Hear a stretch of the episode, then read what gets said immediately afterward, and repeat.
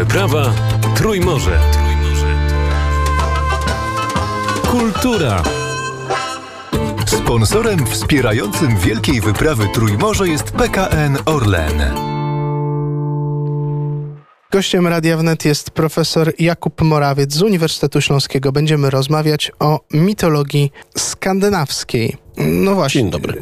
Nordycka, skandynawska, jakiego terminu powinniśmy używać? No, wykorzystujemy w zasadzie obydwa przemiennie, chociaż rzeczywiście każde troszeczkę inaczej e, precyzuje nasz punkt widzenia. O ile mitologia skandynawska odnosiłaby się do e, wierzeń, które dotyczyły ludzi e, zamieszkujących obszar Skandynawii, czyli dzisiejszej Danii, Szwecji, Norwegii e, i Finlandii. Z kolei termin nordycki odnosi się do wszystkich obszarów, które były objęte kulturą skandynawską tamtych czasów, a to w takim razie e, tutaj odpada nam Finlandia, ale za to z kolei dochodzą tereny na północnym Atlantyku, tamtejsze wyspy z Islandią, e, Wyspami Owczymi i Grenlandią na czele. Więc porozmawiajmy raczej o tej skandynawskiej, bo Radio Wnet w wielką wyprawę wybiera się również mm, do Skandynawii, mm, w tym do Finlandii. A Finlandia to nie tylko Finowie, ale też e, lud sami żyjący na północy ze swoją e, odrębną mitologią. E, zgadza się, aczkolwiek o tej drugiej wiemy dość, dość niewiele. Przynajmniej jeśli chodzi o średniowiecze, znacznie więcej możemy powiedzieć z badań etnograficznych prowadzonych już w późnej epoce nowożytnej. Natomiast jeśli chodzi o okres średniowieczny, no to dysponujemy danymi odnośnie Skandynałów, czyli Germanów, którzy zamieszkiwali ten obszar przynajmniej gdzieś tam od epoki, od neolitu. O. Mm, Mitologia skandynawska czy mitologia nordycka nie jest e, tak dobrze znana, tak powszechnie nauczana w szkołach, jak chociażby mitologia mm, grecka, ale Przepraszam, pyta pan o polskie szkoły? o polskie szkoły. Bardzo możliwe, że, że, że nie jest nauczana. Może to wynikać z tego, że o ile w, przypad- w odniesieniu do mitologii greckiej dysponujemy klasycznym Baradowskim, który nam opowiedział, yy, zrekapitulował mity w sposób bardzo przyswajalny dla ludzi już w dość młodym wieku, o tyle yy, czegoś takiego wciąż brakuje nam chyba w odniesieniu do mitologii skandynawskiej, która zresztą z jednej strony wydaje się być odrobinę bardziej wyrachowana i trudniejsza w odbiorze, no a z drugiej strony powiela na swój sposób z różnych przyczyn te same rzeczy, które otrzymujemy dzięki wg- wgłębianiu się w mity greckie. Więc jakby możliwe, że tutaj po prostu nie ma sensu powielać pewnych kwestii. Natomiast y, myślę, że nie byłoby niczym złym, y, gdyby młodzież, przynajmniej w jakimś zakresie, mogła, mogła się z tym materiałem zapoznawać, choć raczej chyba na późniejszych niż na wcześniejszych etapach edukacji. Natomiast chętnie z e, tej mitologii, z tej kultury e, czerpie popkultura, bo e, takie kwestie jak e, chociażby filmy e, o superbohaterach, tak, z Torem, e, czy, e, czy też seriale o wikingach, gdzie też te odwołania do mitologii są. No rzeczywiście, popkultura, szczególnie współczesna popkultura, czerpie pełną garścią z tego materiału dotyczącego mitologii, przerabia go na swój sposób, wywraca do góry nogami. W zasadzie możemy powiedzieć, że to już jest w ogóle jakaś nowa jakość, często oderwana od tego, co mm, zostało nam po tamtych czasach w odniesieniu do przedchrześcijańskich wierzeń. Y, no mm, albo się to komuś podoba, albo nie, ale no bez wątpienia takie zjawisko istnieje i, i nie można go nie zauważyć. Właściwie ta mitologia mm, skandynawska, e, co ona w sobie ma takiego wyjątkowego? Czym ona się różni? Jakby mógł ją pan tak ogólnie scharakteryzować, jakiś zarys dać, mm, ty, zwłaszcza tym, którzy e, może się w temat nie wgłębiali. Jak większość wierzeń przedchrześcijańskich jest to, użyję terminu religia, choć ono nie jest może do końca adekwatny, nawet powinniśmy chyba mówić o wielu religiach, czy o wielu systemach wierzeń, e, politeistyczne. E, Bóstwa, w które e, najprawdopodobniej Skandynawowie wierzyli w taki czy w inny sposób, przedstawione są w tym materiale, który dochował się do naszych czasów w sposób dość specyficzny, mianowicie dużo mogą, ale nie mogą wszystkiego. I w pierwszej kolejności nie są w stanie zapobiec końcu mitycznego świata. On nadchodzi, znamy go pod nazwą Ragnarok. E, bóstwa Asgardu doskonale zdają sobie sprawę z tego, że e, to jest coś, co jest nieuchronne i coś, co przyniesie zagładę świata, który oni stworzyli i zorganizowali według swojego widzimisię. E, To też powoduje, że w konsekwencji poszczególni e, bogowie, czy poszczególne boginie, chociaż przede wszystkim bogowie, a też na swój sposób są e, ograniczeni mm, w tym, co mogą robić, co mogą zdziałać. No i też, ale to już może wynika z tego, gdzie ten materiał jest zachowany, no wykazują bardzo duży, duży odsetek, duże natężenie takiego ludzkiego mm, czynnika. To znaczy e, znajdujemy w tych bóstwach e, e, wiele, wiele cech, które przypisalibyśmy o, ludziom. Są bardzo ludzcy w swoich, w swoich postawach. No, to rzeczywiście wspólny element z mitologią e, grecką. Zdecydowanie tak. Właśnie dlatego mówiłem, że pewne rzeczy y, y, y, od razu należy sprostować. My do końca tak naprawdę nie wiemy, czy przedchrześcijańscy Skandynawowie postrzegali bóstwa w ten sposób, w jaki one są przedstawione w dwóch głównych tekstach, w poematach Eddy poetyckiej i w Eddzie Snoriego. Nawet można z dużym prawdopodobieństwem założyć, że, że pewnie nie. Ale my innym materiałem, znaczy dysponujemy też innym materiałem, ale on już na to pytanie nam raczej nie jest w stanie odpowiedzieć, więc nie ulega wątpliwości, że przynajmniej w pełnym średniowieczu, gdy z różnych powodów postanowiono u- zachować mity, no to bóstwa, które są ich bohaterami, e, no właśnie wykazują duże podobieństw w swoich zachowaniach, postawach e, do bóstw greckich. Jak mówię, to raczej nie jest przypadek. Kolejne podobieństwo mamy w tych pokoleniach bogów, tak jak w mitologii greckiej mamy Uranosa czy Kronosa, którzy Tak. na pewnym etapie rozwoju religijnego gdzieś zostali, zostali gdzieś w tle. Może obserwują Ziemię, ale, ale nie biorą udziału w jej aktywnym życiu. Podobnie mamy w mitologii nordyckiej. E, Zgadza się, aczkolwiek e, jeśli chodzi o e, asów, czyli tą, ten główny ród boski, to w, obydwie Eddy w zasadzie ograniczają się do dwóch pokoleń, czyli dla przykładu będzie to Odyn i jego syn Baldur, który zostaje e, zabity. E, no, można by dodać jeszcze trzecie pokolenie, czyli e, e, olbrzyma e, e, Imira, który, e, który, z którego ciała później two, tworzony jest mityczny świat. No więc to są góra trzy pokolenia, e, nie więcej. W przypadku e, drugiej grupy bóstw, Wanów, o których praktycznie nie, prawie nic nie wiemy, tu już w ogóle nie jesteśmy w stanie takiej perspektywy zakreślić, więc ona nie jest specjalnie mocno rozciągnięta, ponieważ e, już drugie pokolenie bóstw Asgardu wie, a nawet pierwsze to wie, że, że, że koniec jest y, nieuchronny i śmierć y, Baldra jest początkiem końca. Mm, A w to wierzyli raczej ci mm, germańscy Skandynawowie, a Finowie? Oj, szczerze mówiąc, y, należałoby sięgnąć do materiału zupełnie innego, który, jak mówię, być może ma y, kłe- korzenie sięgające głęboko wstecz, ale był zbierany, utrwalany i, i, i, badany na swój sposób stosunkowo niedawno. W pierwszej kolejności należałoby tutaj przywołać Kalewalę, epos, wręcz taki narodowy epos dzisiejszych Finów.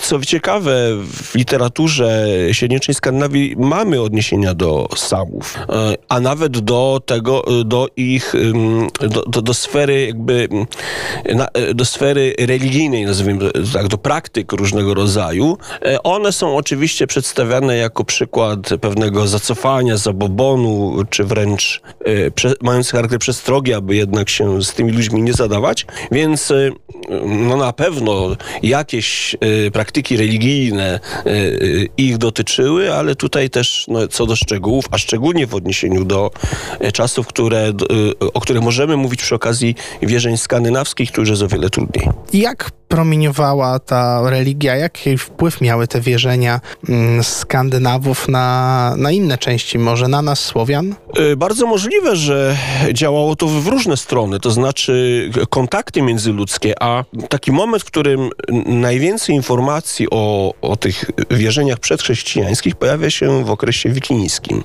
a więc w czasie, gdy zaczyna się bardzo duży ruch e, w Europie Północnej, e, który rezonuje e, na całą strefę bałtycką, I spore części, spore połaci kontynentu, to nie tylko najazdy, ale to również wymiana handlowa oraz migracje ludności, więc siłą rzeczy kontakty ludzi reprezentujących różne kultury, różne języki z pewnością skutkowały również albo jakimiś zapożyczeniami, albo jakąś inspiracją. No, dość powiedzieć, że, a tutaj przecież nasza wiedza nie jest zbyt rozległa, e, nie od dziś mówi się, że słowiański Bóg Perun był odpo- słowiańskim odpowiednikiem e, skandynawskiego Tora. I bardzo możliwe, że tego typu podobieństw było znacznie więcej. Możemy się ich też dopatrywać w mieszaniu się różnych wpływów w takich obszarach jak obrządek pogrzebowy, w końcu sztuka. Dotyczy to zarówno relacji słowiańsko-skandynawskich, czy też Skandynawii z, z rejonem Wysp Brytyjskich, więc y, o ile czasem brak nam y, konkretnych szczegółów, to jednak te jakieś tam fragmentaryczne y, dane pozwalają nam spokojnie zakładać, że ludzie, którzy wyznawali jakiś system religijny, nie żyli w totalnej izolacji.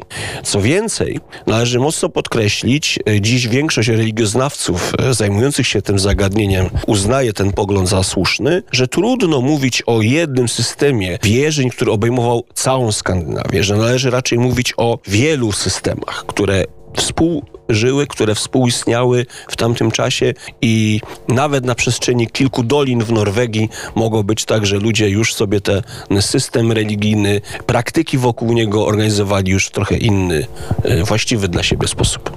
Politeistom trochę łatwiej w takim systemie funkcjonować, bo e, wierzenie w jednych bogów nie wyklucza istnienia drugich, e, ale też ci bogowie często mają wiele imion, czy też wiele postaci. Zgadza się. Jeśli chodzi o tą wielość imion, to oczywiście tutaj na pierwszy, pierwszym szeregu należy po- postawić e, Odyna. W tradycji e, skandynawskiej zachowało się ponad 100 jego imion. A mało tego, imię Odyn e, jest stosunkowo rzadko wykorzystywane. Mówi pan redaktor, że było politeistom łatwiej. Może tak, ale z drugiej strony nawet w odniesieniu do konkretnych, e, często niewielkich regionów, e, mamy sytuację, gdzie jedno z bóstw zdaje się było traktowane jako szczególnie ważne. To mógł być Bóg, to mogła być bogini i najprawdopodobniej w danym regionie to właśnie ta postać, a nie inne, e, cieszyła się szczególną estymą, więc wtedy siłą rzeczy pozostałe gdzieś schodziły na plan dalszy.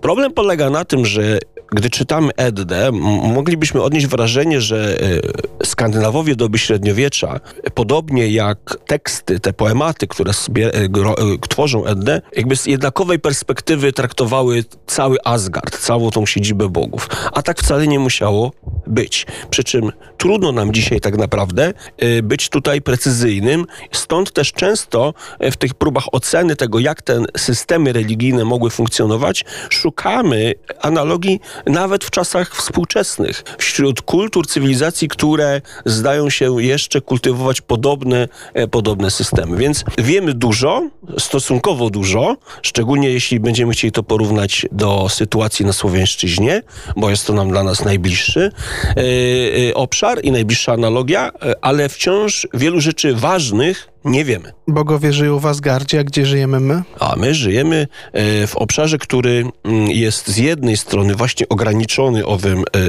Asgardem, a z drugiej strony terenami, do których raczej nikt rozsądny się nie zapuszcza. To terytoria zamieszkałe przez olbrzymów i inne tajemnicze i złe siły. Położony jest ten teren w środku i nazywa się dlatego Midgardem, czyli jakby ziemią środka, coś, coś w tym stylu. W Midgard otoczony jest wodami oceanu. W tym oceanie pływa sobie jedno z dzieci Lokiego, wąż e, imieniem Midgards Ormur, czyli w zasadzie wąż Midgardu, tak? Jego imię wynika z tego, ki- ki- kim jest ten, to, ten zwierz. E, No i, i tak ludzie mieli funkcjonować w tej, w tej takiej przestrzeni, której osią miało być e, drzewo życia Yggdrasil. A wszystko skończy się Ragnarokiem. Tak, tak. Problem polega jednak na tym, że o ile zak- zakładać można, że Ragnarok oznaczał koniec całego mitycznego świata, o tyle wszystkie wydarzenia już bezpośrednio z nim związane dotyczą konfrontacji jedynie bogów Asgardu z olbrzymami, oraz ludzi, którzy no, y, znaleźli się w orbicie tych e, e, e, wpływów bogów, głównie odnosi się to do wojowników, którzy czekają w Walhali na to, żeby ruszyć u boku bóstw do walki. Natomiast do końca nie wiemy, co się y, będzie działo z innymi, czyli na przykład z Wanami, którzy w ogóle gdzieś tam znikają z pola widzenia, z tymi z ludzi, którzy po śmierci mieli trafić do krainy zmarłych, Hel, mm, i, i, i całym szeregiem jeszcze innych. No a żeby już w ogóle było to wszystko złożone i skomplikowane, to sama Edda y, wskazuje jednoznacznie, że o ile Ragnarok to koniec świata mitycznego, które stworzyli bogowie Asgardu, ale będzie ciąg dalszy, ponieważ ma nastąpić powrót Baldra. I Baldr ma odbudować świat na nowo, w domyśle świat lepszy, świat, którego przeciwnicy bóstw już nie będą w stanie zniszczyć. W pewnym stopniu można się doszukiwać e, jakiejś analogii z e, chrześcijaństwem. Bez wątpienia takich zresztą jest y, więcej, ale ta bez wątpienia jest najbardziej rzucająca się w oczy. Y, oj, ona, a czy też one nie dziwią o tyle, że wiersze Eddy poetyckiej plus y, Edda Snorriego Sturlusona to są teksty po raz pierwszy spisane y, y, w rękopisach y, y, już w średniowieczu, w czasach, gdy Skandynawowie, no oficjalnie to już w ogóle, ale już i tak naprawdę mm, byli chrześcijanami. Zresztą o, Snorri y, spisuje mity nie dlatego, że chciałby, aby mieszkańcy Islandii koniecznie pamiętali, jak to ich przodkowie, w co wierzyli przodkowie. Raczej y, są to inne względy dydaktyczno, takie katechetyczne.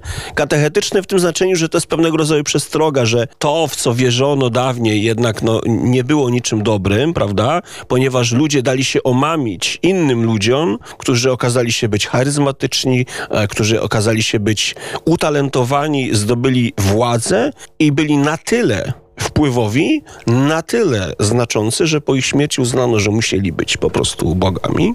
I tutaj Snorri Sturluson idzie w ślad teorii, które w wczesnej Europie kontynentalnej tłumaczą to, dlaczego te dziedzictwo sięgające głęboko wstecz, no z jednej strony skażone tym błędem pogaństwa, ale nie jest takie do końca godne zapomnienia, a dydaktyczny dlatego, że cała kultura ówczesnej Skandynawii, w tym i Islandii, która Snorriego interesowała najbardziej, jest wciąż czerpie z tych rzeczy, które rodziły się właśnie jeszcze wtedy, zanim nastąpiło chrześcijaństwo. Bez chrześcijaństwa z kolei nikt w Skandynawii, w tym w Islandii, nie wiedziałby, jak ten bagaż tradycji, tego dziedzictwa utrwalić na pergaminie. Czy to prawda, że olbrzymy przypłynął na drakarze zrobionym z ludzkich paznokci z żaglami uplecionymi z włosów?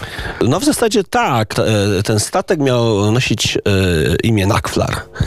E, I rzeczywiście na jego pokładzie miały płynąć, miała płynąć ta elita przeciwników bóstw z dziećmi Lokiego na czele. Rzeczywiście kadłub Nakflara miał być zbudowany z e, ludzkich e, paznokci.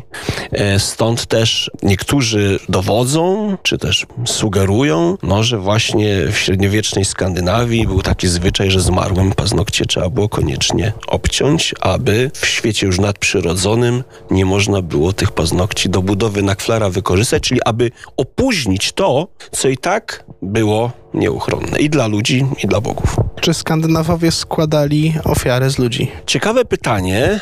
Są pewne przesłanki ku temu, żeby tak twierdzić. Yy, Mamy kilka przekazów, które e, dotyczą e, przede wszystkim Upsali i tamtejszego, starej Upsali mówiąc ściśle, z tamtejszego ośrodka, który pełnił różne role religijne, polityczne. Bardzo możliwe, że w otoczeniu tamtejszych kopców rzeczywiście ofiary z ludzi składano. E, Musimy jednak pamiętać, że te wskazówki, te sugestie pochodzą z czasów, gdy właśnie e, z różnych powodów chrześcijańscy autorzy, opisując e, dawne wierzenia, dawne zwyczaje, dawne rytuały, z tyłu głowy mieli, że należy wykazać zdecydowaną i to pod każdym wyższość wiary chrześcijańskiej, więc należało te wierzenia pogańskie jakby też pokazać w bardziej ekstremalnym, nieakceptowalnym świetle, tak? Ale Myślę, że y, jest ich zbyt wiele, nie, one są niezależne od siebie, abyśmy mogli jednoznacznie y, te, te, to zanegować. Y, Więc o ile trudno ocenić, na ile częsta była to praktyka, nie da się wykluczyć, że rzeczywiście składano również ludzi w ofierze. Również, bo ofiary były ważną częścią tej religii. A to na pewno. Zresztą my często mamy takie wyobrażenie, że czasy pogańskie, szczególnie jeśli chodzi o organizację wierzeń, organizację kultu, y, to takie chrześcijaństwo, y, no tylko, y, tylko zamiast jednego Boga mamy wiele bóstw, czyli mamy też świątynię, mamy kapłanów y, i y, z jednej strony jakby ten, te postrzeganie już nam narzucają autorzy doby średniowiecza, ale najprawdopodobniej te funkcje kultowe były przeważnie w gestii albo lokalnego władcy, albo lokalnego gospodarza, który odpowiadał za to, aby zapewnić protekcję bóstw i dać świadectwo temu, że jest jakiś kontakt z tą sferą nadprzyrodzoną. I bardzo często ofiarom towarzyszyły wielkie uczty, w czasie których właśnie również pamiętano o, pamiętano o bogach. Bodaj, no w zasadzie ile? Tydzień temu, dokładnie w sobotę, miałem okazję e, być w jednym z takich miejsc e, w południowej Norwegii, w Bore. Mamy tam cmentarzysko kurhanowe i badania archeologiczne wykazały funkcjon- istnienie tam również sporych założeń e, architektonicznych, no, dom, domów, e, hal, które najprawdopodobniej właśnie temu służyły. Gromadzili się tam ludzie, którzy składali ofiary czy to swoim przodkom, czy też bogom. E, no i chodziło o to, aby podtrzymać tą więź między żyjącymi, no i tymi, którzy już, którzy już nie żyją, no ale jak wierzono, patrzą z góry. Albo z dołu. Bardzo dziękuję za rozmowę. Proszę bardzo, bardzo miło, dziękuję za zaproszenie. E, Gościem Radia Wnet był profesor Jakub Morawiec z Uniwersytetu Śląskiego. Wielka wyprawa Trójmorze. Trójmorze.